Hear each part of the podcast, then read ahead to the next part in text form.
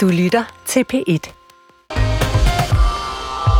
Støtten til Ukraine skal fremtidssikres, og derfor så har Danmark nu forpligtet sig til at støtte Ukraine, både militært og civilt, de næste 10 år. Det her er den øh, mest alvorlige sikkerhedspolitiske situation siden afslutningen på den kolde krig. Øh, og vi kan fra den danske regerings side ikke understrege nok, hvor vigtigt det er, at Ukraine modtager de militære kapaciteter, de har brug for. Vi præsenterer i dag en ny donationspakke til Ukraine. Det er nummer 15. Ja, sådan lød det i går fra statsminister Mette Frederiksen. To dage før torsdagen, som det jo er for Ruslands invasion af Ukraine, som altså er i morgen lørdag. Det betyder, at den øh, danske støtte vil løbe op i omkring 60,4 milliarder kroner alene for perioden 2023 til 2028, ifølge tal fra Forsvarsministeriet. I forvejen så har Danmark brugt 33 milliarder kroner på at støtte Ukraine militært. Det betyder sådan lidt hårdt sat op, at den dansker indtil videre har givet 125 20 gange mere i våbenstøtte til Ukraine, end en italiener for eksempel har. Det viser en ny opgørelse ifølge Information. Øh, I dagens PET-debat tager vi en status på krigen i Ukraine af øh, i forbindelse med toårsdagen, altså for invasionen, og spørger, er det nødvendigt med en så lang forpligtelse over for Ukraine? Er det nødvendigt at love så mange penge væk? Og giver det mening at skrue op for støtten, mens USA vakler? Og skal vi satse på EU frem for NATO i forsvarssammenhæng fremover? Mit navn det er Cecilie Lange, og det her DP Debat.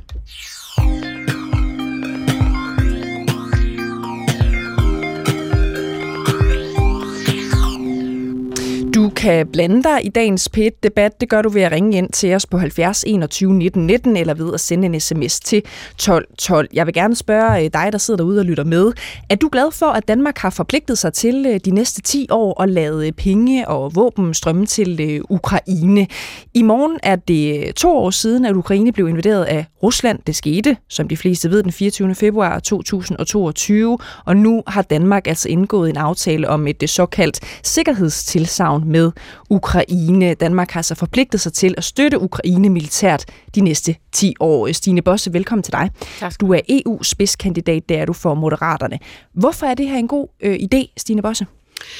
Jamen det er det jo, fordi det handler i sidste ende om, øh, om dansk sikkerhed, det handler om europæisk sikkerhed. Og, øh, og kun ved at blive ved med at kigge aggressoren lige i øjnene og sikre os, at han er klar over, at der er ikke nogen, der pludselig siger, åh nej, nu kan vi ikke mere, og så videre. Kun på den måde kan vi vinde freden. Fordi øh, det er det solide forsvar, der skal til, og det solide forsvar lige nu foregår faktisk i Ukraine. Øh, samtidig skal vi selvfølgelig sørge for, at vores eget forsvar kommer op i gear, altså det, som er landebaseret i Danmark mm. og i resten af Europa.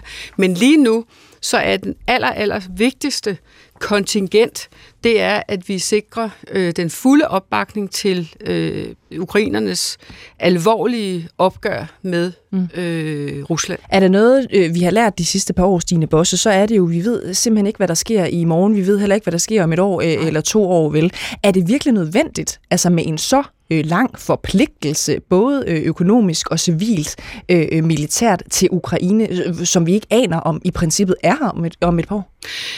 Ukraine er her. Og, Hvordan ved og, du det? Og det, er, det ved jeg, fordi altså, hvis, U, hvis Ukraine ikke er der, så har vi en helt, helt anden problemstilling, fordi så er det lykkedes Rusland at indtage Ukraine, og så er det kun et spørgsmål om, hvor øh, russerne stopper. Ja, det vil ikke usandsynligt. Og det, og det kunne ske, men, men, men så er så det næste spørgsmål, det er jo så, og det er det, jeg tror, vi skal holde øjnene skarpt fokuseret på, altså øh, den der flirten med, og det er i hvert fald det, jeg samler op, at mm. man jo også kunne forestille sig, at der var øh, en, en en invasion eller en, et, et opgør med et NATO-land. Det er jo det, vi skal for alt i verden skal undgå. Og derfor så skal vi hjælpe ukrainerne, så ukrainerne ender med at stå så stærkt som overhovedet muligt i det opgør, der foregår lige nu med Rusland. Hvorfor giver det mening, at et lille bitte øh, land som øh, Danmark nu på øh, toårsdagen altså skruer op for støtten og den længerevarende forpligtelse over for Ukraine i en tid, hvor støtten til Ukraine jo også vakler lidt. USA er begyndt og har sådan set allerede trukket lidt på noget af støtten. Øhm, hvorfor giver det mening, at Danmark som lille bitte land så går går øh, jeg vil ikke kalde det solo, men i hvert fald går forrest og skruer op. Men, men, men vi går jo hverken solo eller, eller er alene i det her.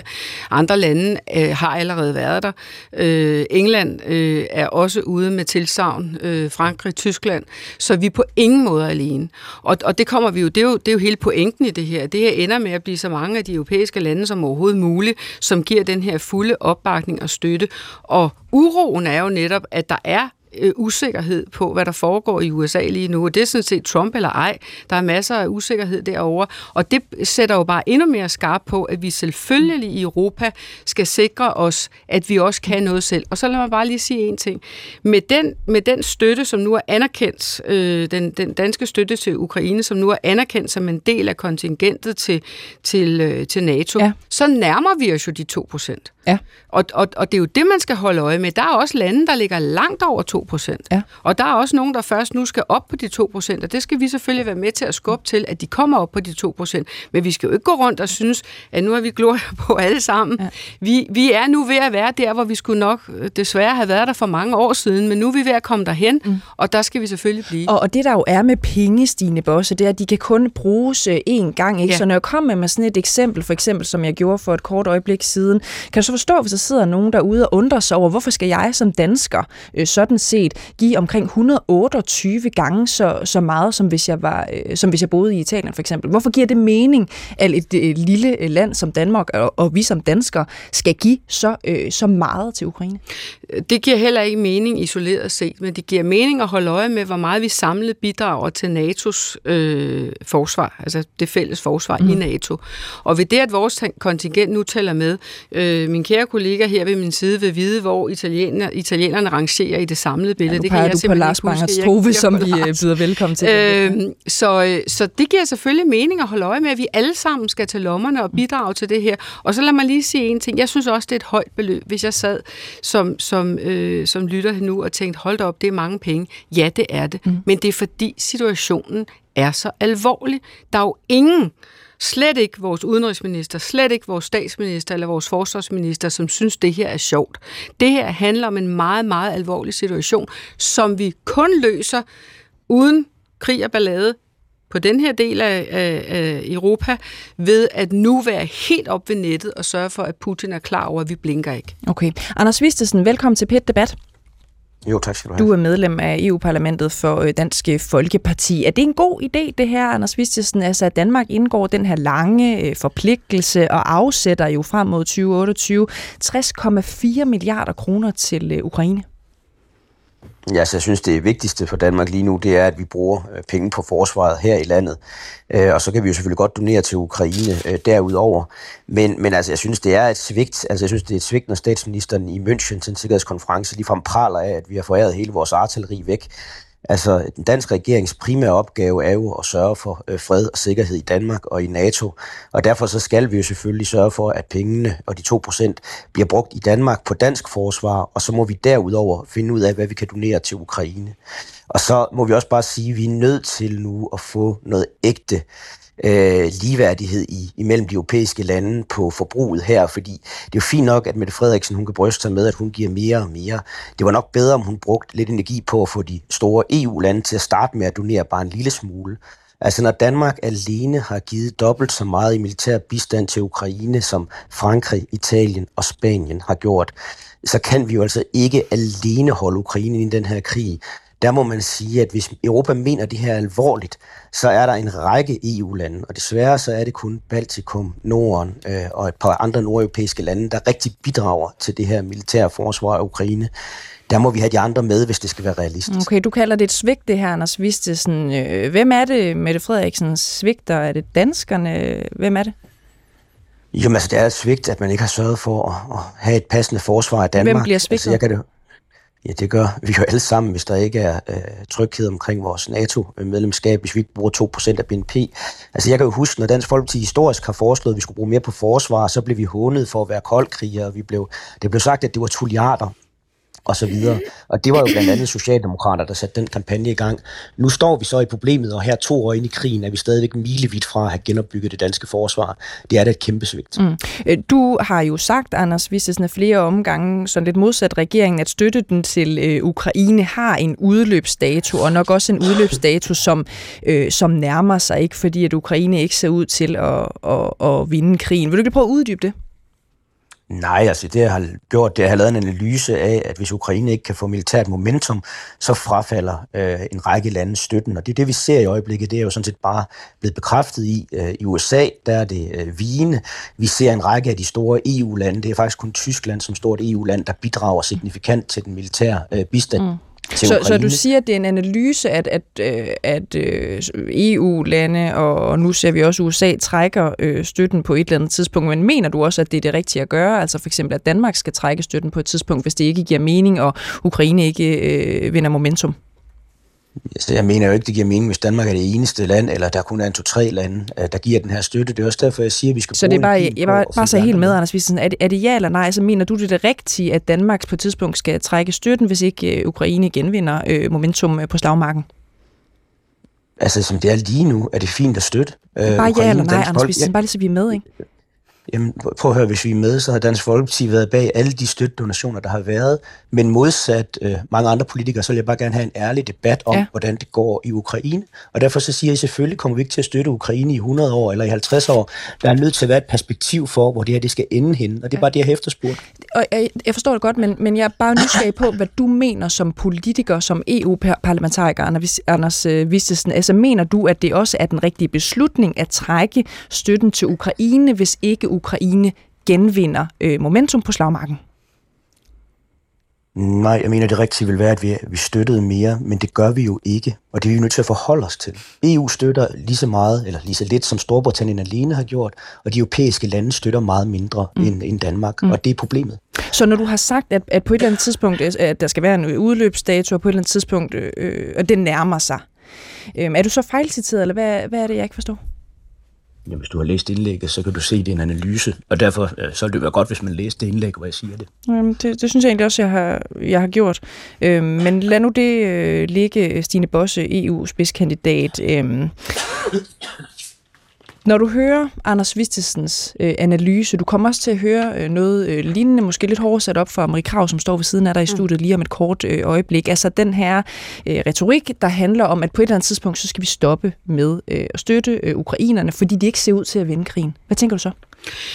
Jamen altså, øh, så tænker jeg, at man, man går jo man går jo nogens ærne. Altså, øh, når man er op og slås, så holder man sammen. Øh, og så, så holder man sammen, indtil der kommer en eller anden anden løsning.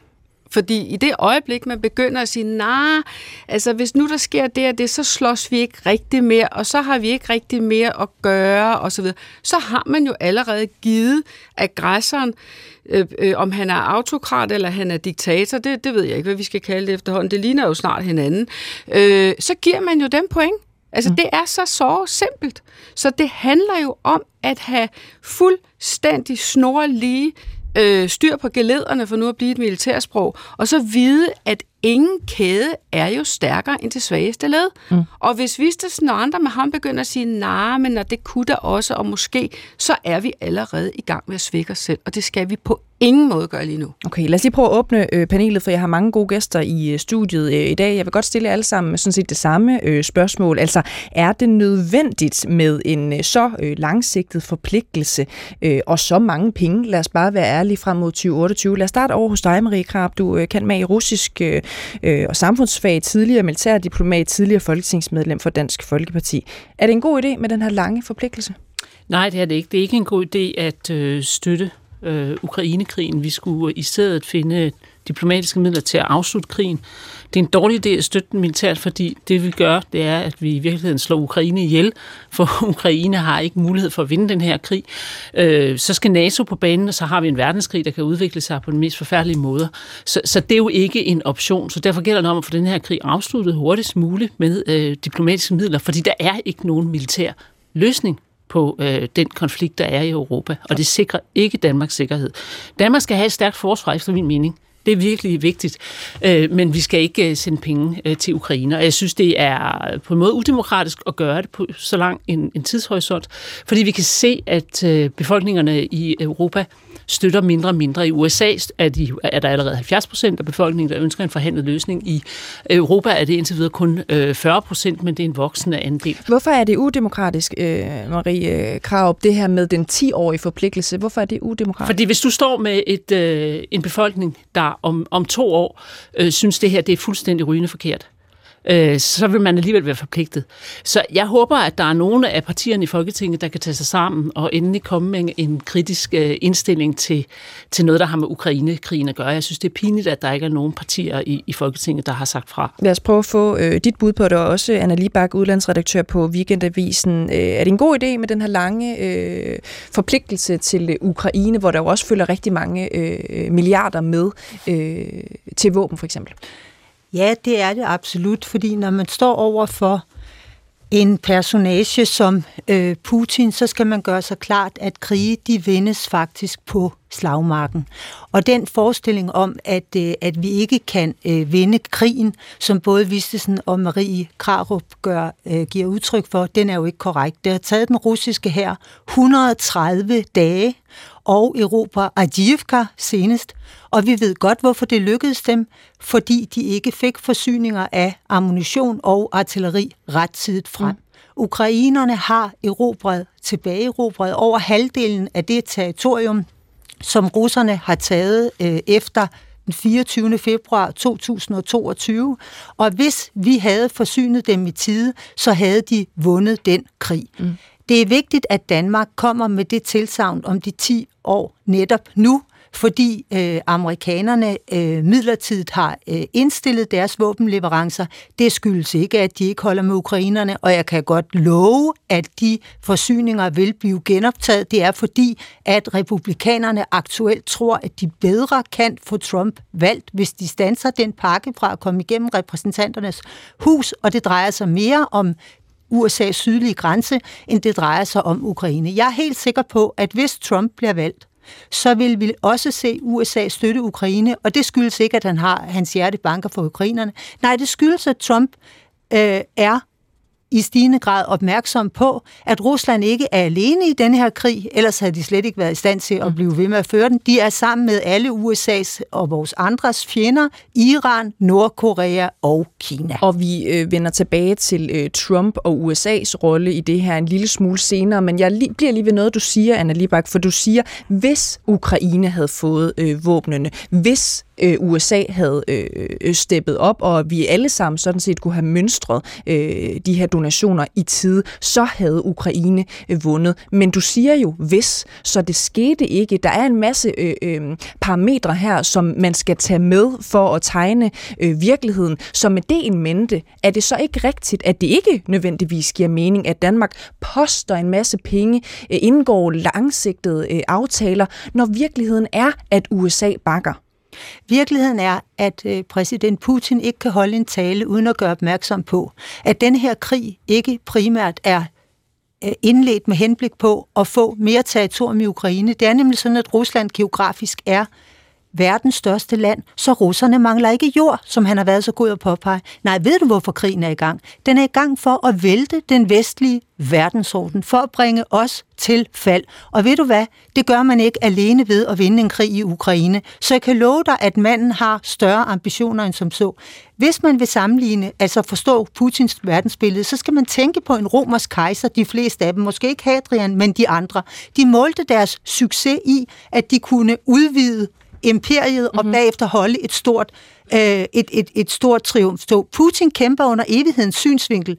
Det interesserer ham ikke, hvad der sker inden for den næste år. Det, der interesserer ham, det er, at når han går af, så afleverer han et Rusland, der har genrejst sig som imperium. Det betyder desværre i hans analyse, at Vesten så til gengæld er faldet. Okay. Øh, Lars Bange velkommen til PIT Debat til dig også. Tak for det. Hvad er dit bud på det her? Er det en god idé med den langsigtede øh, kontrakt med Ukraine? Er det en god idé med de her mange, mange milliarder til øh, Ukraines forsvar? Vi bliver nødt til det for at sikre vores egen velfærdsstat. Fordi det her er en kamp om, hvad det er for en form for verdensorden, vi ønsker i fremtiden. Og hvis vi ønsker demokrati, hvis vi ønsker frihed, så bliver vi nødt til at understøtte Ukraine og deres kamp.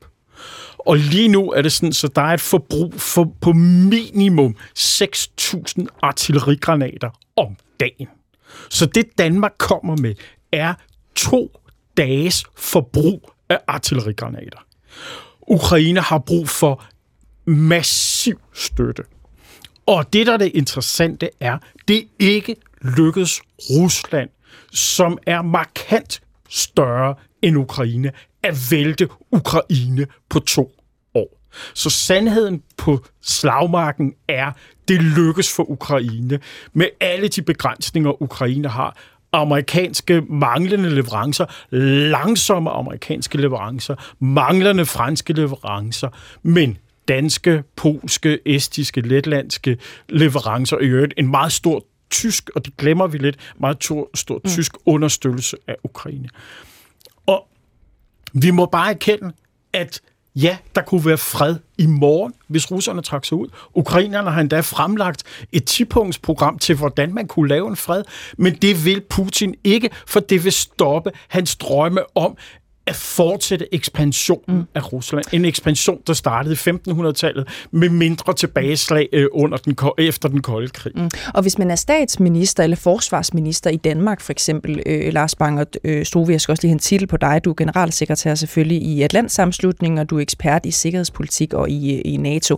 Så har man jo også den forpligtelse over for sit lands borgere, man skal sørge for øh, danskerne i det, i det her tilfælde, øh, sikkerhed øh, øh, og forsvar. Øh, kan du forstå, hvis der sidder nogle lytter derude og bliver lidt forvirret over, at vi hører både fra Marie Kraup set, og Anders Vistesen øh, fra, fra Dansk Folkeparti, at det er altså ikke det, man gør, når man sender alle de her mange midler øh, til øh, Ukraine, som kæmper en kamp på slagmarken lige nu. Nej, vi burde koncentrere os om os selv.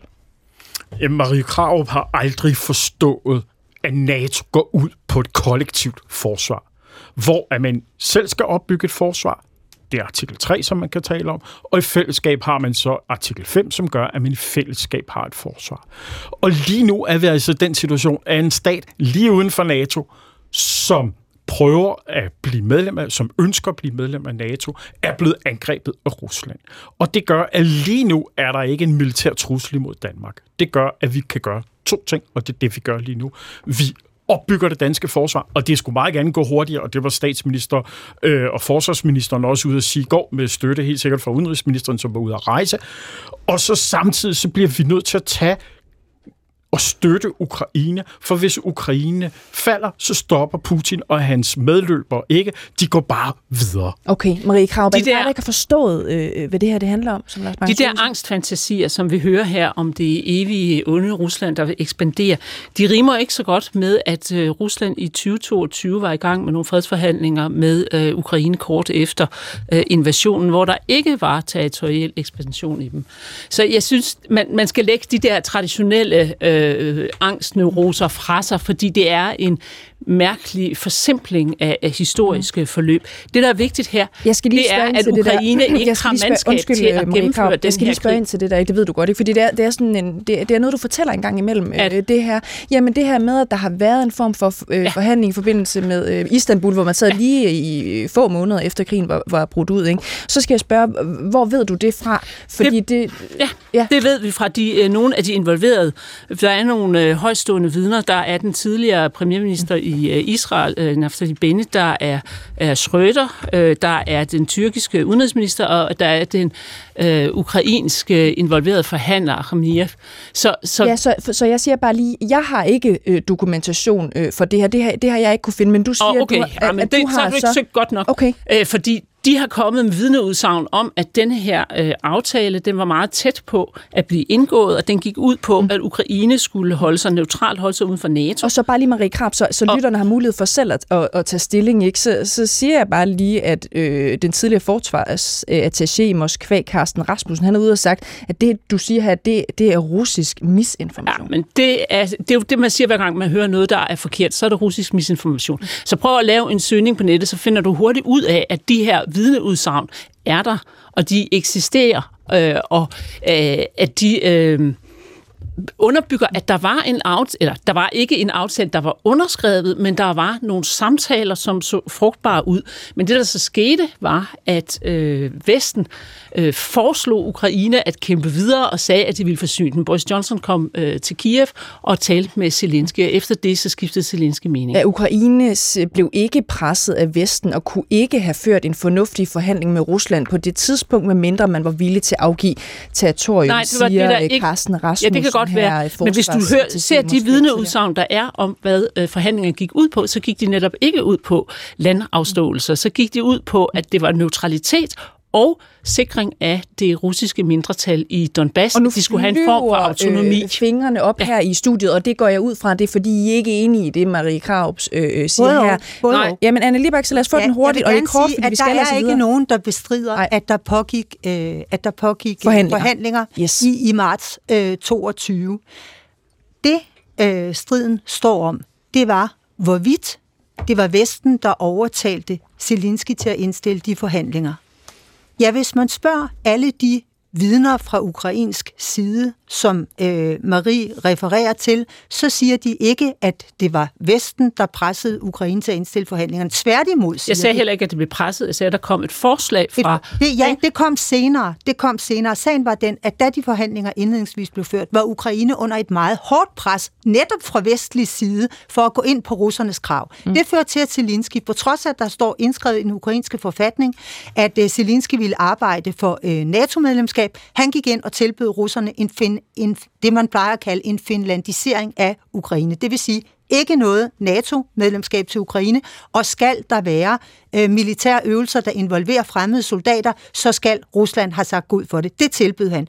Det, der i midlertid skete, det var, at der fra russisk side ikke kom nogle indrømmelser. Zelensky havde forestillet sig, at russerne så til gengæld skulle trække sig tilbage fra det, de havde taget efter invasionens start. Det kom ikke. Og så Men, kom Butcher. Mm. Der kom massegrave. Zelensky så dem. Der lå kvinder og børn brændte lige og så blev det meget svært at argumentere over for sin egen befolkning ja. for, at det der, det skulle pågå ustraffet. Men, men tilbage til det, som var pointen, Marie Krav, fordi det, du stiller op her, det er sådan en eller anden form, for nu kan jeg lige præcis huske, hvad det var for et, et, et, et ord, du brugte, men du kaldte det sådan et skræmmebillede, øh, som de her angstneuroser, de her traditionelle ja. angsteforestillinger, man har om den her øh, onde russiske ja. øh, bjørn eller blæksprutte, der bare maser sig ind i Europa. Så det er jo en gammel forestilling. Dig, altså, hvor, hvor, hvor bange skal vi være for, at øh, Rusland inden for den nærmeste fremtid øh, angriber et NATO-land? Jamen, øh, hvis vi øh, giver anledning til det, så vil, de måske, øh, så vil der måske komme krig mellem Rusland og NATO. Og det er derfor, vi skal have afsluttet den her krig med diplomatiske midler, fordi det, vi gør nu, det fører jo netop til, at vi risikerer en verdenskrig. Og jeg tror, hvis vi havde stået i øh, juli måned i øh, 1914, så havde vi alle sammen med, øh, med det, vi ved i dag, sagt til de folk, der var involveret i krigsudbruddet af Første Verdenskrig, og, at det skal I lade være med. Ja. Og det er samme situation, vi står i i dag. Vi siger bare, kør på, kør på, kør på. Vi kan hurtigt klare det her, men problemet er, at vi kan ikke hurtigt klare den krig. Selvom vi støtter Ukraine med masser af, af våben og penge, så vil de stadigvæk mangle mandskab. Og hvis de skal vinde den krig, så skal NATO træde ind på øh, Ukraines side, og så har vi en verdenskrig, der kan udvikle sig til en ja. øh, nuklear krig, og det er der nok ikke nogen af os, der ønsker. Og det vil heller ikke løse Men, problemet, for Rusland vil jo ikke forsvinde. Og så er det Stine Men nu taler, fra Moderaterne. taler, nu taler Krav om, om skræmmebilleder. Øh, jeg taler sådan set i den her sammenhæng om, hvad Putin selv har sagt. Altså fuldstændig forlængelse af det, som, som øh, Anna Libak siger. Putin har en ambition, han har aldrig lagt skjult på den. Man kan sådan set bare tage det fra hans taler, fra det, han har skrevet. Det er så ikke han vil have et større øh, imperie, og det er det, han går efter. Det så kan man tage diskussionen af, hvad er det for et styre, vi kigger ind i? Hvad er det, for, hvad er det den mand vil verden. Ja, han vil for eksempel sørge for, at alle hans opponenter, de falder ud over øh, gidre, eller hvad hedder det, øh, øh altaner, eller senest nu med Navalje, som, som lider en frygtelig skæbne. Og det er derfor, vi er i den her situation. Det er fordi, vi vil noget andet. Det er fordi, den vestlige verden står for frihed og demokrati, og det er, den, det, er det, vi diskuterer. Det er ikke økonomiske råderum og alt muligt andet. Det er det, vi diskuterer. Og så er jeg bare nødt til at sige, øh, jeg kan ikke helt få ind i mit hoved, hvordan de efterretninger, som styrer vores udenrigsminister, vores forsvarsminister, vores statsministers gerninger, skulle overrules af nogle efterretninger, som Marie Krarup til synligheden har. Men det, det, må være, det må da være de efterretninger, der ligger i danske myndigheder, vi skal tage bestik af. Mm. Altså okay. danske, øh, hvad hedder, Forsvars efterretningstjeneste siger jo lige præcis, at der ikke er øh, nogen risiko for et militært angreb på, øh, på Rusland, det, eller på, på Danmark. Det, så så det, der bygger de på nøjagtigt de samme, det er præcis det, de siger. Der bygger de, de på siger, der ikke de samme efterretninger. De siger, der ikke er et aktuelt, de siger, men, der ikke... de siger, men de siger der ikke ja. på nogen måder, at der ikke er en højspændt situation, Nej, som der vi er bare skal sige, situation. Men der er ikke en af gangen tale men, tingene. Men hvis vi går tilbage til de her imperier... Skruer jeg lige ned for jer. Jeg har nemlig jeg har det foran mig her, de damer, fordi så, så finder vi bare ud af det. Jeg skruer lige ned for jer, fordi der er ikke nogen, der kan høre, hvad I siger lige nu, når I taler i munden øh, på hinanden. Øh, jeg har det her foran mig nemlig. Det er fortsat vores vurdering, at Rusland ikke ønsker at komme i en direkte militær konflikt med NATO, men budskabet er også, at de pejler efter, hvor samlet og stærk NATO fremstår. Det har vi ønsket at tydeliggøre med den nye vurdering, siger chef for efterretninger i øh, FE. Vigtigt at sige den sammenhæng FE. Øh, nej, undskyld, det var lige noget internt, I ikke måtte få at vide, der stod der. Det skal jeg lige passe på. Forsvars efterretningstjeneste er i dag øh, øh, ude med en ny analyse, og det er jo også vigtigt at sige, det er faktisk en ny analyse, det kommer øh, efter den øh, årlige den kom analyse. Her i februar. Det, er en, den kom, den, det kom faktisk for en ja. uge øh, siden. Ja. Øh, en analyse om Rusland og NATO. Analysen går blandt andet på, at Rusland i stigende grad vil udfordre NATO-lande, så I har jo sådan set begge en øh, pointe, Lars Bangers Trove. Hvem holder du med? Jamen, øh, mig selv. Nej. øh, jeg vil bare sige, at, at det, som Marie siger, at, at vi andre, vi er bange og kommer paranoia. Jamen, hun kommer jo selv med en trussel om atomkrig. Mm. De eneste, der taler atomkrig, det er Rusland. Men lad os lige holde fast i, hvad er oplevelsen, hvis man bor i et østeuropæisk ja, land? Men undskyld, jeg holder lige fast i noget, Lars ja. Mangsrud, fordi det, Marie Kraup siger øh, også, det, det er sådan set, at der er jo ikke en øh, øh, akut trussel for, at Danmark, øh, undskyld, at Rusland angriber et NATO-land. Men er det ikke alligevel den, lidt den fornemmelse, øh, man får, når, når, når I taler den her situation op? Der er ikke en umiddelbar trussel imod dansk territorium fra russisk side. Men går du til vores nabostater i Østersøen, så har de og deres efterretningsfolk, og det siger de offentligt, en umiddelbart frygt for, at hvis Rusland bare på nogen måde kan frigive styrker, så risikerer de at blive angrebet. Og det baserer de på årtiers, århundreders kendskab til Rusland, hvor Rusland konsekvent har flyttet sin grænse hen over dem. Rusland har jo besat Estland, Letland, Litauen over to omgange. De har en helt anderledes perception, og vi ville i Vesteuropa ikke høre efter vores østeuropæiske kolleger i slutningen af, eller i nullerne eller tierne, og de fik ret. Og det er ikke det, som Marie Krab siger, der siger ret. Og hvis vi går til ukrainerne selv, så stoler de ikke på aftaler med Rusland, for Rusland har lovet, at Ukraine måtte have sine grænser, og det har Rusland brudt den ene gang efter den anden. Så det er simpelthen, vi er i en situation, hvor at man ikke tør forhandle, og hvor forhandlingen foregår meget brutalt på okay. slagmarken. I får lige nogle sms'er her, fordi vores lyttere er nemlig ret interesserede i det, vi står og, og, og debatterer lige nu. Der er øh, Heini, som skriver her ind til os, øh, Déjà vu Afghanistan. Mette Frederiksen ender som en parodi på komiske Ali. Jeg tror ikke på, at Ukraine vinder krigen. Imens udslettes dets øh, befolkning, og deres land bombes tilbage til stenalderen, fordi man ikke vil indgå i fredsforhandlinger. Spild af gode penge med venlig hilsen øh, Heini. Så er der Mikkel her fra Esbjerg, der skriver, super fedt med denne aftale. Vi kan være stolte af at gå foran for forsvaret af Europa og demokratiet med venlig hilsen øh, Mikkel. Så er der en her, Stine Boss, der skriver direkte til dig. Det er Torben fra Brabrand. Han skriver, jeg holder ellers altid med Stine Bosse, men vi kan sammenligne med Danmark i april 1940. Skulle vi dengang have offret mange tusinde unge mænd, inden øh, Tyskland alligevel havde vundet over Danmark? Venlig hilsen, Torben fra Brabrand. Ja, hej Torben.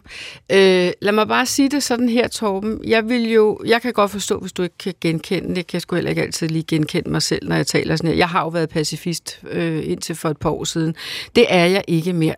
Jeg, jeg må bare sige, at for mig handler det her om, øh, hvis vi nu sådan skal lave historiske komparativer, altså Chamberlain, den engelske øh, premierminister dengang, øh, før 2. verdenskrig, der jublende kom hjem og sagde, nu har vi en fredsaftale i Juhai, hvor der går. Så går der et år, så angriber nazist Tyskland Polen. Og det er præcis det, vi er nødt til at tage ved lære af. Vi, kan, vi har med despot at gøre. Vi har med et regime at gøre, der vil en helt anden vej for verden, som både Lars og også Anna Libak siger. Og det er det, vi har med at gøre, Torben. Og det er jeg jo dybt ulykkelig over. Men vi er nødt til at kigge ham lige i øjnene og selvfølgelig støtte Ukraine hele vejen, samtidig vi med, som, vi, som Lars også øh, pointerer, at vi selvfølgelig også opruster i forhold til dansk forsvar i territoriesammenhæng. Mm. Anders Vistesen, lad os også lige få en kommentar fra dig, når du, nu har du øh, lyttet med øh, lidt, øh, som du kan høre, så er lytterne lidt splittet. Der er nogen, der synes, det er spild af penge, og der er nogen, der synes, at det er super fedt med den her øh, øh, aftale. Kan du forstå dem, der synes, at det er spild af penge? Det er jo mange penge, det må man sige, men det vi jo ikke forholder os til, og det er jo det, der gør den her debat sådan lidt fortvivlende en gang imellem, det er, at folk kommer meget højt op i træerne og taler om, om principper, og de er selvfølgelig vigtige. Jeg befinder mig jo i USA i øjeblikket, og vi må bare sige, at både republikanere og demokrater taler jo om, at der kommer en slutdato på den amerikanske støtte. Altså det har både Bidens administration været ude at sige, og det har øh, ledende republikanske figurer, og Trump, der jo formodentlig bliver deres præsidentkandidat her om ikke så lang tid. Ja. Øhm, og derfor må vi jo bare forholde os til i Europa, om vi kan øh, godt gøre den støtte, amerikanerne indtil videre har givet øh, i forhold til Ukraines frihedskamp. Altså en støtte, der ikke har været nok til, at Ukraine kan vinde krigen, men har været nok til, at Ukraine har kunne forsvare en stor del af deres territorie. Amerikanerne har cirka givet halvdelen af den militære bistand til Ukraine. Og det er jo derfor, jeg bare, øh, og det er også derfor, det er sådan lidt underligt, fordi bare man beder om nuancerne i den her debat, så bliver man beskyldt for at være putinist og elske Putin. Jeg hader Rusland. Jeg hader Putin. Øh, Dansk Folkeparti var sådan set det eneste parti, der i 20 år har kæmpet for, at forsvaret skulle prioriteres højere økonomisk, og har kæmpet for et territorialforsvar i Danmark. Så det er jo ikke fordi, jeg ikke er enig i, at NATO er utrolig vigtigt, og vi skal forsvare vores kollegaer i Baltikum, i Polen og i Finland, og alle andre steder, der er truet. Men vi er nødt til at forholde os til, at får vi ikke de store europæiske lande med, så kan vi ikke engang leve op til den støtte, der bliver givet i øjeblikket. Og vi er også nødt til at konstatere, at den støtte, der er givet i øjeblikket, mm. ikke har været nok til, at Ukraine militært har kunne vinde krigen. Og derfor er vi bare nødsaget til på et tidspunkt, også fra dansk side, at sige, det er jo rigtigt, som Atlantssamslutning øh, siger nu. Den støtte, der blev lovet i går, det er cirka to-tre dages artilleriammunition til Ukraine. Så når den danske støtte den er brugt op på tre dage, hvem er det så, der skal tage over og levere de næste artillerigranater? Og hvis det ikke er legnet op, jamen så bliver det jo omsonst øh, på et tidspunkt. Okay. Lad os lige prøve at blive velkommen til øh, en lytter, der ringede ind til os på 70 21 19 19. Det er Tobias øh, fra København, ser det ud til, at du ringer fra Tobias øh, Amitsbøl. Velkommen til PET Debat. Jo, tak. Det lyder lidt som om, du er ude at køre, øh, Tobias. Kan jeg regne med, at det er, sker på en forsvarlig måde, at du ringer ind til os? Ja, naturligvis. Og det, det er helt håndbøg. Det, er, det er godt at høre. Øh, Mathias, hvad er dit indspark? Jeg har lige en disclaimer, at øh, jeres nye telefonsystem gør, at jeg ikke har kunnet høre noget som helst af, hvad jeg snakker om. Ah, okay. Ved du hvad, vi har lige lidt tekniske øh, udfordringer, men vi arbejder på det, øh, men, Tobias. Men det ændrer jo ikke på den holdning, jeg har. Præcis. Øh, mit indspark er, at øh, jeg synes, det virker som om, at der sådan generelt er en tendens til, at der siden marts 2020 har været en eller anden uheldig alliance mellem øh, pressen og øh, pressens minister, som gør, at der ikke rigtig bliver øh, nogen særlig nuanceret debat om øh, vigtige emner i øh, Danmark.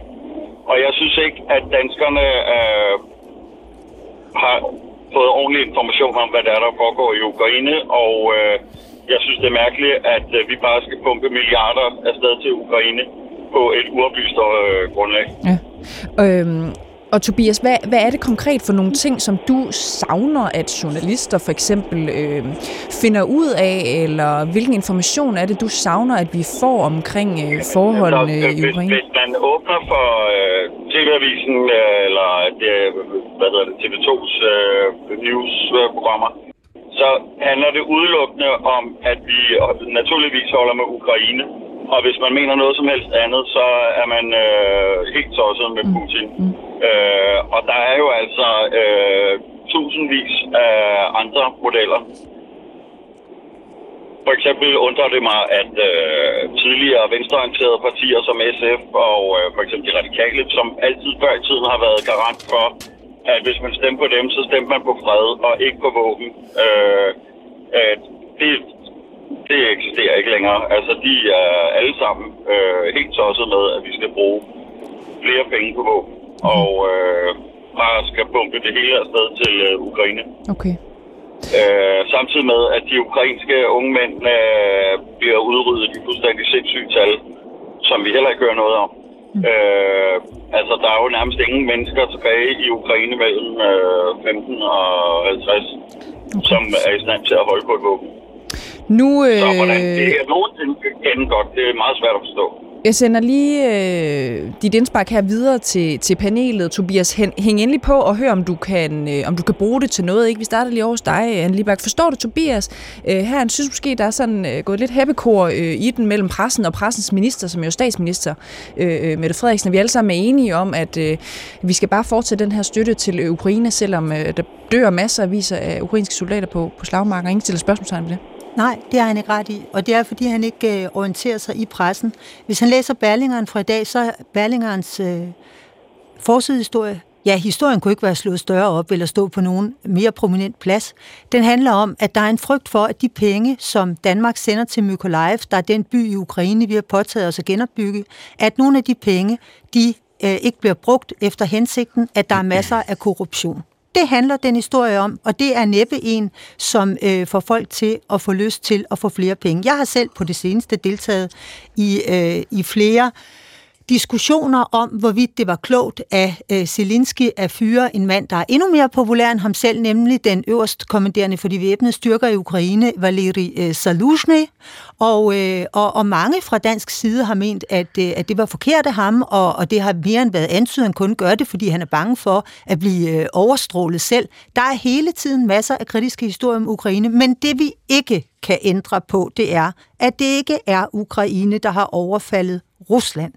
Det er nu engang Rusland, der har overfaldet en international anerkendt stat, anerkendt blandt andet af Rusland selv, der står som garant for Ukraines øh, grænser i, øh, i Budapest-traktaten øh, fra 90'erne, som var grunden til, at Ukraine indvillede i at overgive overdrage de atomvåben, der var stationeret fra sovjettiden på ukrainsk territorium. Dem gav de op mod, at Rusland garanterede deres grænser, og det vil sige inklusiv Krim og Donbass. Ja, ja så pointen er, Anne Libak, at du ser sådan set, at pressen øh, roder i og graver i en masse øh, kritiske ting, som, som også øh, kommer for en dag i forbindelse med øh, støtten og Fuldstændig, og men du kan jo ikke lave om Ej. på, hvem er gerningsmand og hvem er godt, offer. Godt. Lars Bangenstrup, du markerer også. Jamen, fordi det, det er den meget vigtige øh, ting, øh, som, som der bliver stillet spørgsmål om. Hvorfor, hvorfor øh, ikke fred? Hvorfor er de klassiske øh, ja. fredsaktive partier, hvorfor at de har skiftet position? Ja. Det har været en kæmpe debat internt i det radikale, kæmpe debat i SF og kæmpe debat i, i, i enhedslisten. Og det er jo fordi, at man har erkendt, at Putin ikke vil fred. Han vil ikke forhandle. Og at hvis man forhandlede med Putin, så kort efter, så reviderer han tingene eller opgiver tingene. Putin har, eller Rusland har givet en masse af garantier til Ukraine, som de ikke har overholdt. Og det gør, at nu er selv enhedslisten nået frem til, at vi bliver nødt til at have et forsvar, der kan forsvares, og man bliver nødt til at kunne forsvare og, og hvis jeg spørger øh, Marie Krav lige om lidt, så vil hun sige, øh, det kan du ikke sige, Lars Struve, Putin og Rusland ønsker et neutralt Ukraine. Hun ser ikke samme Jamen, skræmmebillede, som, som hun øh, ja, øh, kalder det, som, som I gør. Og så hvorfor siger du egentlig det? Jeg siger det, fordi alle stater skal have lov til selv at vælge.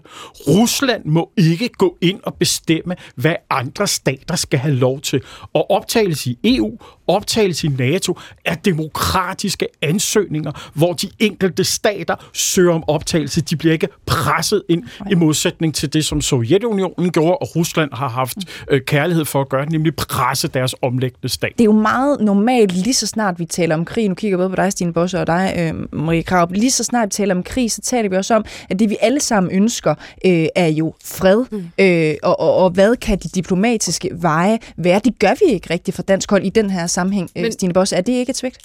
Jo, jeg, jeg, vil, jeg er sikker på, at alt, hvad der overhovedet kan øh, skraves sammen, at diplomati arbejder på højtryk for at også finde den type løsninger.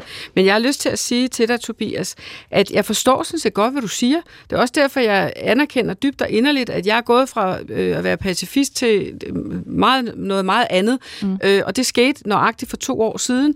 Og så har jeg også lyst til at sige til dig, pressens minister, det findes ikke i Rusland. Vi har en frihed. Okay. Øh, Libak øh, kommer fra en avis, der har lavet en forside, som er fuldstændig, øh, i virkeligheden kommer på tværs af alt muligt. Ja, fordi vi tør tale om tingene, fordi vi har ytringsfrihed, fordi vi godt tør problematisere og se nuancerne. Det findes ikke i Rusland. Der er én vej, og det er Putins vej, og ellers så er det af med knappen. Tusind tak til øh, jer, kære panel, for nu, for vi vender stærkt tilbage efter en øh, radiovis her kl. 13. Også tusind tak til øh, lytteren Tobias øh, Amitsbøl her i første omgang, der, der hænger flere på og venter. Bliv endelig hængende, og du øh, kan også ringe ind og blande dig i debatten 70 21 19 19 er telefonnummeret herind til. Du kan også bare sende en sms til 12 12. Nu skal vi gøre plads til en radiovis her, hvor klokken den er 13. Danmark har forpligtet sig til at støtte Ukraine både øh, militært og civilt de næste 10 år. Det blev klart i går, da statsminister Mette Frederiksen og forsvarsminister Truls Lund Poulsen inviterede til pressemøde. Det her er den øh, mest alvorlige sikkerhedspolitiske situation siden afslutningen på den kolde krig. Øh, og vi kan fra den danske regerings side ikke understrege nok, hvor vigtigt det er, at Ukraine modtager de militære kapaciteter, de har brug for. Vi præsenterer i dag en ny donationspakke til Ukraine. Det er nummer 15. Ja, sådan lød det, altså... Ja, det er jo blot øh, to dage før Ruslands øh, invasion af Ukraine, som er i morgen, med Frederiksen ude sige sådan her, i går på et pressemøde. Og den danske støtte vil så med de her tiltag løbe oppe i Øh, 60,4 milliarder kroner alene for perioden 2023 øh, til 28 ifølge tal fra Forsvarsministeriet. I forvejen så har Danmark brugt 33 milliarder kroner på at støtte Ukraine militært. Det betyder, at den dansker indtil videre har givet øh, 125 gange mere i våbenstøtte til Ukraine end en italiener for eksempel har vist en ny opgørelse ifølge information. I dagens øh, PET-debat, den sidste del af dagens PET-debat, spørger vi, er det nødvendigt, at en så lang forpligtelse øh, over for Ukraine kommer på plads, og betyder den danske forpligtelse, at vi også bør kæmpe for, at Ukraine hurtigst muligt skal indlemmes i EU. Hvem har ansvaret for, at de krigsramte, men også korrupte og fattige land bliver klar til det? Mit navn det er Cecilie Lange, og det her det er P1 Debat.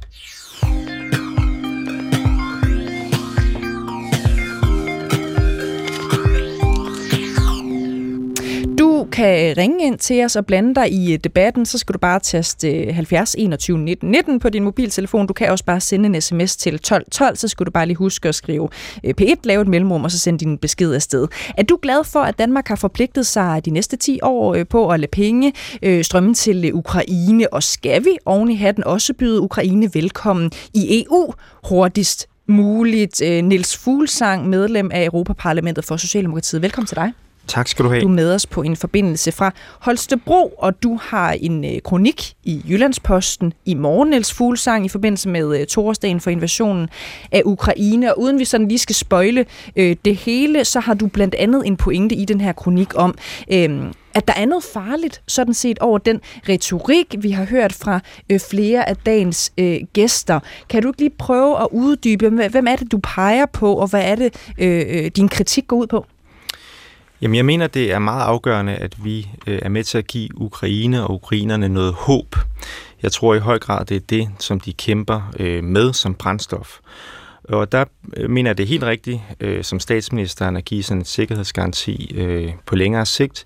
Men det er også rigtigt at sige, prøv at høre, Ukraines fremtid, den er i EU. Vi vil gerne have Ukraine med i EU. Og det er jo den modsatte tilgang. Øh, på, på den her måde, der, hvis man siger det, så giver man håb, så giver man en fremtid til, til Ukraine. Den modsatte tilgang, det er den, som Anders Vistesen står for i, øh, i dagens program her.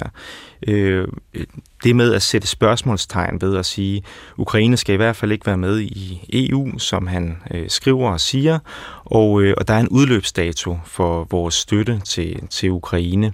Jeg ved godt, at, at Anders Vistesen, han sådan trækker lidt i land, det kan jeg høre øh, på ham, når han, når han deltager i en debat som den her, men han tester hele tiden vandene, og han har, han har mange allierede rundt omkring i Europa, i, i forskellige lande, blandt de højorienterede grupper i Europaparlamentet også, der tester vandene og, og, og siger, øh, sætter spørgsmålstegn på forskellige måder i forhold til vores støtte til Ukraine. Og jeg tror, det er lige præcis det, vi ikke har brug for. Vi har brug for at strække hænderne ud til Ukraine, give dem håb, vise, vi står sammen med dem. Det er den måde, vi kan, vi kan vinde øh, den her krig på. Mm. Og, og hvad er det, fordi du kalder det jo både bekymrende og, og, og farligt, sådan set, det her med at teste vandene. Hvad er der i vejen med at, at teste vandene, hvis, hvis det er rigtigt, som du siger, Anders Vistesen, lige øh, døber en, en tog i vandet for at sige, kunne det være nu, at vi begynder at sætte spørgsmålstegn ved, om vi bare skal blive ved med at, at, at proppe en masse penge i Ukraine, hvis de alligevel ikke øh, kan vinde krigen? Jamen, det er farligt, fordi øh, det svækker Ukraine, det svækker... Øh, øh, det, det, det sætter spørgsmålstegn ved vores støtte til Ukraine, og dermed svækker det også Ukraine og deres øh, mulighed for at øh, forsvare sig mod Rusland. Og det er ikke bare farligt for Ukraine, men det er også farligt for os. Altså, hvad Anders Vistesen sagde tidligere i udsendelsen her, at jamen, vi burde prioritere vores eget forsvar og, og lade være med at give det hele til Ukraine. Men øh, det synes jeg er et meget snævert syn på det her, fordi Ukraine kæmper jo øh, for deres egen frihed, men de kæmper jo også for os. Hvis man lytter til, hvad Vladimir Putin har sagt de sidste 10-15 år i taler og offentlige dokumenter, så er det skræmmende læsning, øh, og det er skræmmende at lytte til.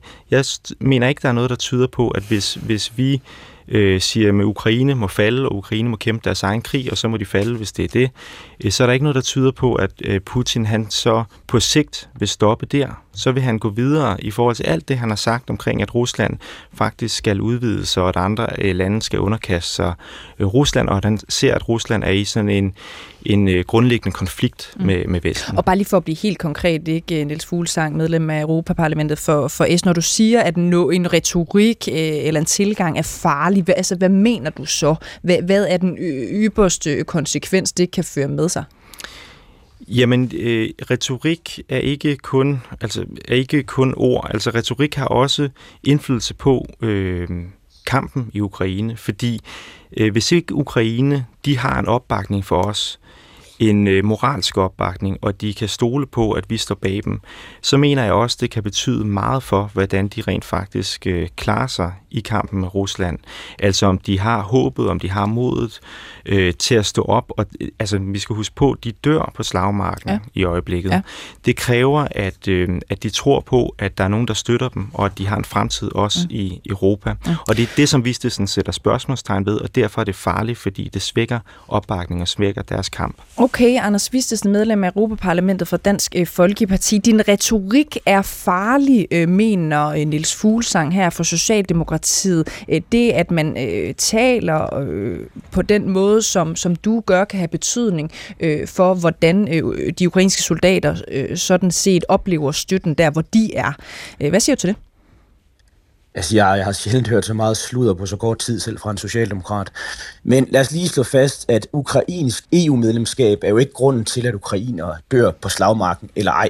Altså, de forsvarer deres fædreland, og det tror jeg sådan set, de gør, uanset om de har øh, udsigt til at blive medlem af EU i morgen, ja. om 10 år eller om 50 år. Anders, hvis lad os lige parkere den der EU lige som et kort øjeblik, hvis det er okay. Så, så lad os bare lige tale om Jamen, det der altså, med støtten først. Du er nødt til lige at sige, når nu Niels han får lov til at bruge en 4-5 minutter på at forklare det, så er jeg jo selvfølgelig nødt til lige at tage til genmæle. Ja, og, og så sige, at man kan jo ikke bare give øh, Ukraine som belønning for, at de kæmper en forsvarskamp for dem selv, at de bliver lovet et ubetinget EU-medlemskab, på trods af, at det er et bundkorrupt land, der ligger milevidt fra at overholde EU-kravene. Jeg vil bare lige starte med noget andet, Anders Vistesen fra Dansk Folkeparti, og det var det her med, med retorikken. Altså Niels Fuglsang siger, at din retorik, når det handler øh, om øh, støtten til Ukraine, for eksempel det der med, at du tester vandene øh, for at øh, øh sætte spørgsmålstegn øh, ved, og om det for eksempel har en udløbsdato med, øh, med støtten osv., det er farligt. Hvad, hvad er din respons til det?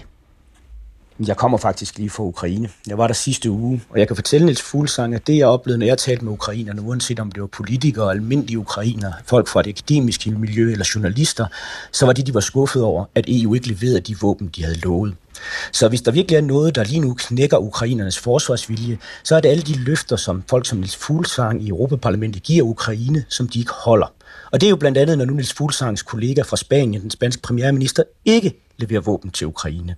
Eller den franske præsident Macron ikke leverer våben til Ukraine i det omfang, der er lovet dem. Og det kan jeg i hvert fald fortælle, Niels, som almindelig borgeroplysning, at det var det, der gik igen, når jeg talte med ukrainerne i sidste uge. Det var det, de var skuffet over.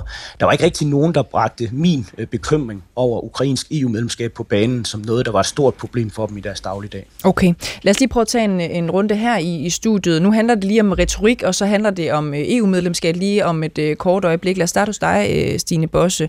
Øh, jeg går ud fra, at du er enig med Niels Fuglsang i, at den her øh, retorik, det der med at teste øh, øh, vandene, når det handler om støtten til Ukraine, den er farlig. Hvorfor det? Jamen det er den, fordi, øh, som vi talte om i, i første runde, altså enhver sprække, når man er oppe at slås, bliver selvfølgelig udnyttet af modstanderen. Og igen, ingen kæde er stærkere end det svageste led. Og det som Vistesen, og det kan være, jeg skal ikke være motivforsker, men jeg kan bare konstatere, at det at gå rundt og blive ved med at lægge lidt ud, og vi ved, at der er nogle af de øh, endnu mere yderliggående højre øh, partier, som i virkeligheden helt åbent siger, jamen altså, de er der sådan set, de synes da sådan set, det er glimrende, og, og hvad, Putin er da en fin fyr, og så videre. Det, det er det, der er problemet.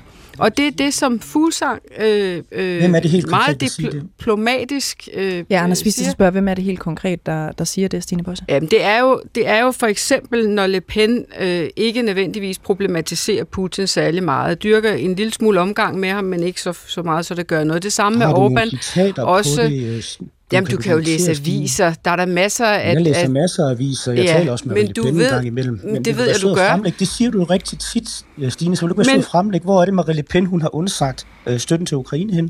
Det har hun ikke. Men hun har været meget tæt på Putin. Og det har hun ikke. Og det har hun...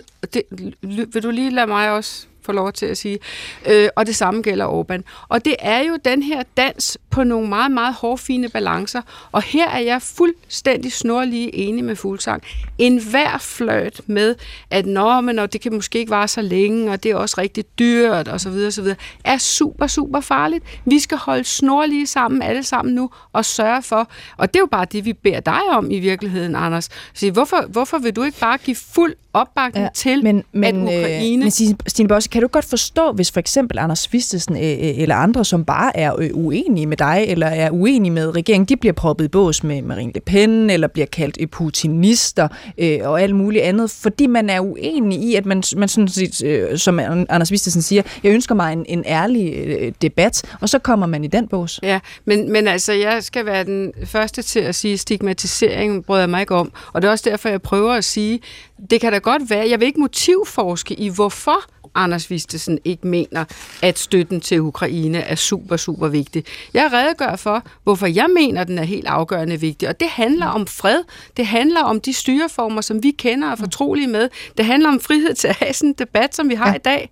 Okay, Marie Krarup først, som ja. er enig med Anders Vistesen, og så bagefter dig. Anna ja, må jeg godt have lov at sige, at når vi taler om denne her øh, konflikt, så bliver det hele tiden blæst op til, at øh, det er helt sikkert, at øh, Putin og, og Rusland vil fortsætte ind i Europa, altså de her øh, imperiale ambitioner. Og dem er der altså ikke belæg for. Det er noget, der foregår inde i øh, vores egne fantasier. Og det siger du, og spørger nogle andre, så siger de noget andet, Marie Nej, det siger det bare de ikke. De kommer ikke med belæg. De kommer med, med vanvittige historier. Men må jeg godt lige have lov at sige, at der er ingen tvivl om, at Rusland er et autokratisk ikke-demokratisk land uden ytringsfrihed. Så på den måde er det jo ikke et rart land. Men det, at lande ikke er rare, er jo ikke det samme som, at de ønsker at angribe og ødelægge andre lande.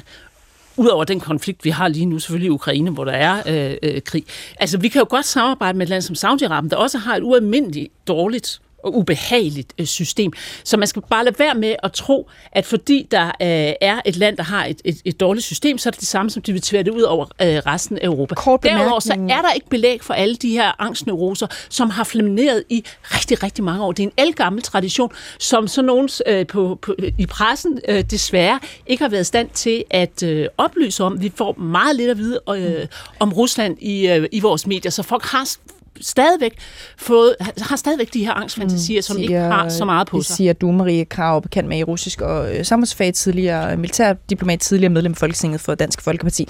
Anne Libak, vil du ikke øh, svare kort, fordi så jo, skal vi der er nemlig videre meget til... svar. at- Først vil jeg sige, at jeg er ikke så bange som Marie. Jeg er for eksempel ikke bange for Putin. Jeg siger det, Marie, hvis vi holder fast, så vinder vi. Tag det roligt. Du behøver ikke at være bange for en atomkrig. ikke, Han er verdens største bluffer.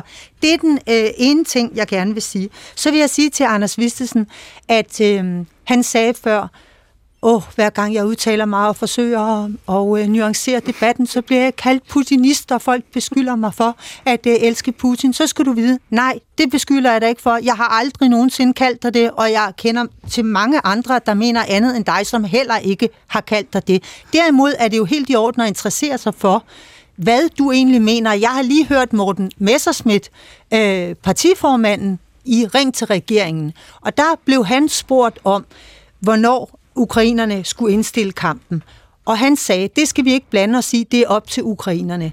Jeg ved ikke, om du også mener det, men hvis du gør det, så er ukrainerne altså ikke der, hvor de gerne vil opgive deres fædreland. De vil gerne øh, øh, kæmpe øh, videre, og jeg mener egentlig, at Dansk Folkeparti var et parti, der havde stor forståelse for kærlighed til nationen. Så kunne de vel også tage og have det i øh, ukrainernes øh, tilfælde. Mm, ja, Anders Vistesen, du skal lige svare. Ja, men det er jo altid godt, når man øh, forfalder til parodier, Anne Libak, og du er jo meget morsom øh, og komisk. Det er jo godt, man har sådan en kommentator på Berlinske Tidene. Men øh, jeg, tror, har det er øh, jeg har jo, ja. jeg, altså, det er jo samme øh, konglomerat, men skidt med det. Men altså, øh, jeg har jo aldrig nogensinde sagt, at Ukraine ikke selv bestemmer, hvornår det er slut. Jeg har tilladt at lave nøjagtigt den samme analyse, som ledende øh, diplomater har givet i danske medier, også danske øh, tidligere diplomater. Jeg har tilladt mig at give nøjagtigt den samme analyse som en masse forsvarsanalytikere giver, nemlig at det ser rigtig svært ud for Ukraine at vinde den her krig, og det er vi nødt til at tage politisk bestik af. Jeg og Morten Messerschmidt blander os overhovedet ikke, og det har jeg aldrig nogensinde udtalt, og det har Morten Messerschmidt heller aldrig nogensinde udtalt i, hvornår Ukraine skal stoppe deres forsvarskamp. Jeg har bare sagt, at vi er nødt til at indstille os på de realiteter, der er, Anna Libak. Og de er, at når man ser mod USA, så er der, kan jeg ikke se nogen som helst politiske fraktioner, der siger, at de vil støtte Ukraine om 10 år. Jeg kan ikke se nogen i Frankrig, der taler om at øh, at støtte på samme niveau som Tyskland eller Danmark eller Estland. Jeg kan ikke se det i Italien. Jeg kan ikke se det i Spanien. Mm.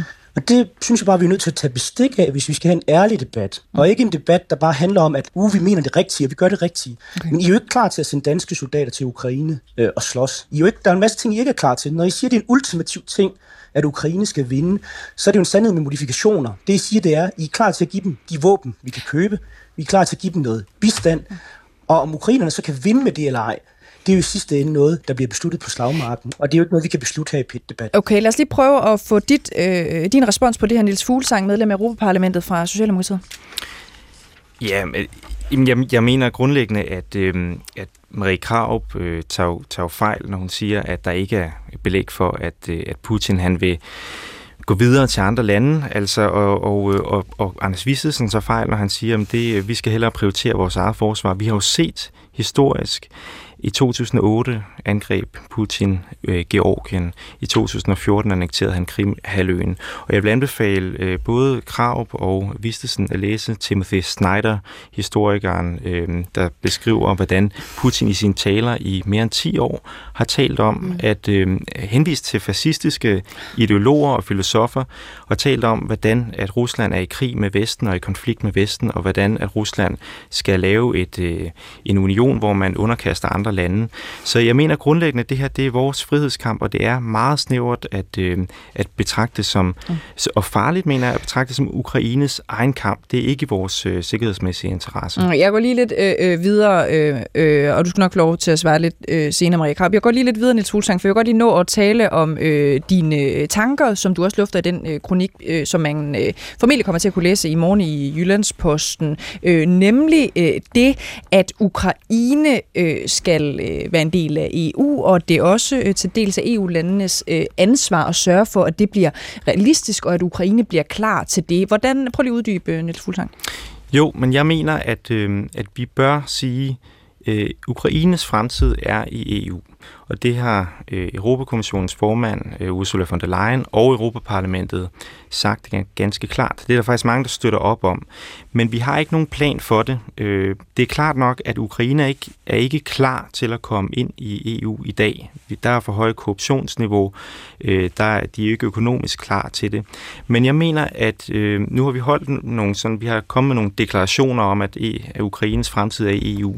Men vi må have en plan vi må have en plan med nogle tidsfrister, og der bør, det er vores ansvar som EU at sætte midler af til, at øh, Ukraine kan blive klar.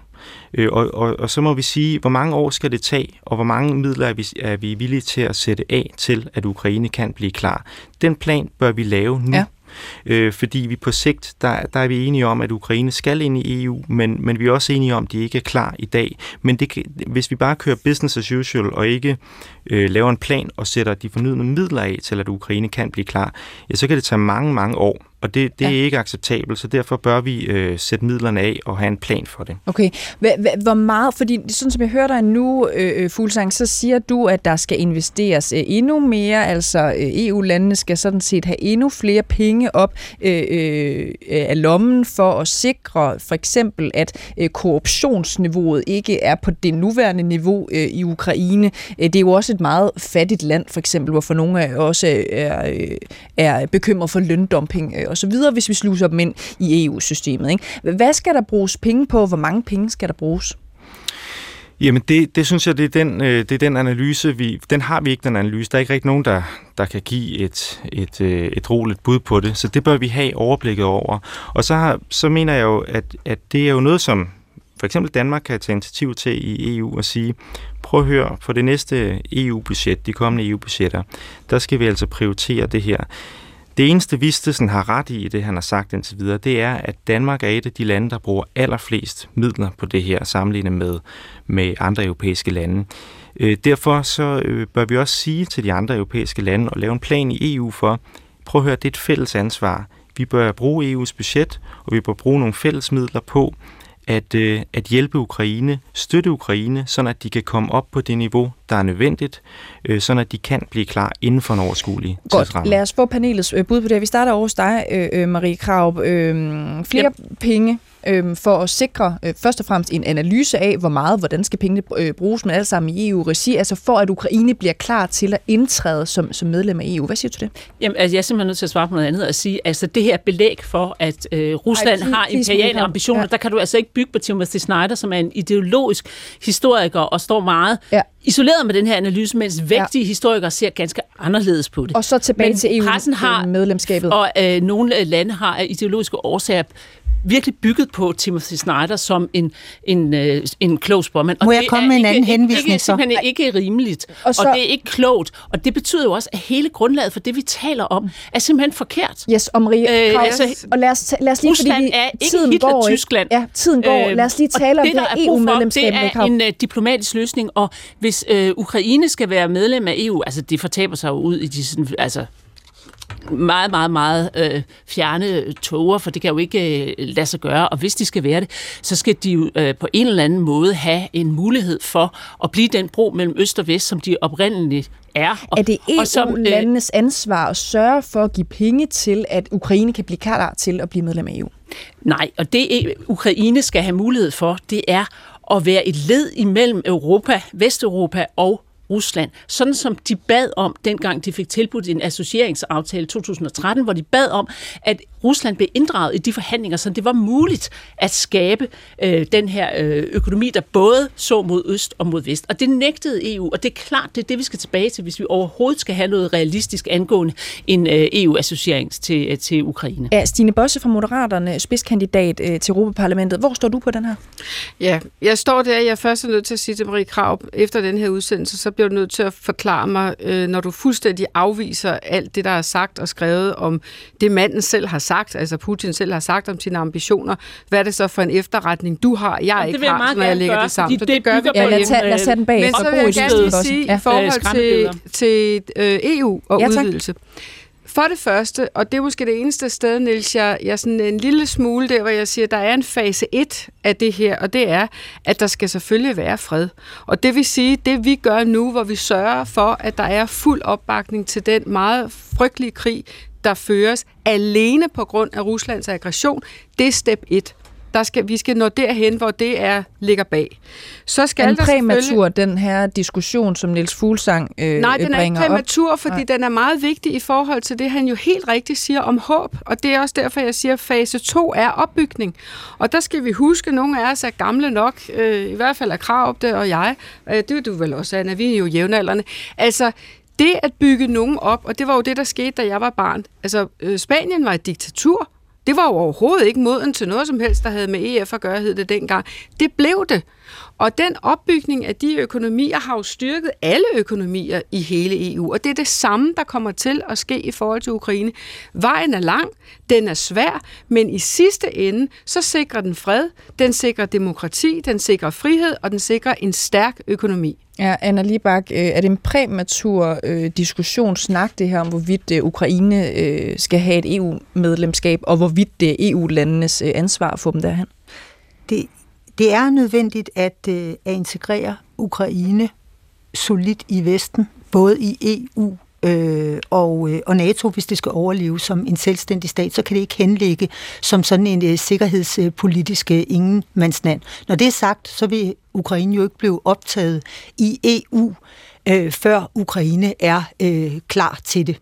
Øh, man har jo indledt forhandlinger med Ukraine, og de kommer først ind den dag, de lever op til de samme betingelser, som vi andre har skulle lede op til. Så vil jeg gerne sige med hensyn til, om man kan tro på Putin som imperator eller ej. Gå ind på YouTube, der ligger et klip, hvor han sammenligner sig selv med Peter den Store under den store nordiske krig. Der siger han det selv. Yes. Anders Vistesen, øh, Ukraine til øh, EU. Må jeg, må, jeg, må jeg ikke bare sige, der er sagt så meget vrøvl øh, omkring Ukraines øh, Jamen, jeg prøver virkelig at få jer til at svare på spørgsmålet. Det, det er en lille smule jamen, det, det, er, det, det, jeg gør helt konkret her. Fedt, Anders. For første, så er det jo ikke et langt perspektiv, der taler om. Charles Michel, der er formand for det europæiske råd, har sagt, inden 2030, hmm? der er Ukraine på ingen måde klar. Så den der fortælling om, det er noget, der sker om lang, lang, lang, lang tid, det er jo ikke rigtigt. Vil du, Anders Visten, er klar til at afsætte penge i EU-regi, altså fra EU-medlemslandene, til at de bliver klar lidt før? Skal, nej, jeg synes ikke, at EU, jeg synes ikke, at Ukraine skal være med i EU. Det er et land, der har en alt for høj korruption. Det er et land, der har en alt for høj kriminalitet til overhovedet at være kandidatland i EU. Og så må jeg også bare lige holde fast i, at det passer ikke, når der ikke er lavet nogen, at der ikke er lavet nogen analyser på, hvad det, det vil betyde. Det har Europa, øh, eller det har det europæiske råd gjort. Det vil være en ekstra regning for Danmark i hver mm. budgetperiode, hvis Ukraine kommer med på 26 milliarder danske kroner. Det vil betyde en beskæring af landbrugsstøtten med 25 procent, og det vil gøre, at der er 10 lande, der går fra i dag at modtage okay. strukturfondsmidler okay. til ikke at modtage det. Godt. Så når Niels han efterspørger konsekvenserne, så er det simpelthen, fordi han ikke har læst på lektierne, fordi okay. konsekvenserne, de står lysende klart. Niels Fuglsang, det skal du lige svare på. Jamen det, det er klart nok, hvis vi øh, fortsætter landbrugspolitikken, som den er nu, så vil det komme en stor ekstra regning, og det er der lavet nogle beregninger på, øh, det ved jeg godt. Men pointen er jo, at øh, det skal vi nok ikke gøre. Vi skal nok indrette tingene på en lidt anden måde, hvis Ukraine kommer med. Og derfor så, så må vi have en diskussion af, hvad, hvordan skal det her nye system se ud? Fordi vi kan jo ikke tage Ukraine med og så sige, at de skal have så meget landbrugsstøtte, som de nuværende regler berettiger til, fordi så, øh, sky, så kommer alle alle til at have et hul i kassen. Så jeg er enig med Anna Libak, når hun siger, de skal med, når de er klar, men jeg vil tilføje, det er også vores ansvar, at de bliver klar. Vi skal sætte de fornødne midler af til det og lave en plan for det. Og det blev de sidste ord her fra Nils Fuglsang, medlem af Europaparlamentet fra Socialdemokratiet. Tusind tak til jer, kære gæster. Tusind tak for alle, øh, der har ringet ind. Mit navn det er Cecilie Lange. Mange tak, fordi I lyttede til dagens pænt debat.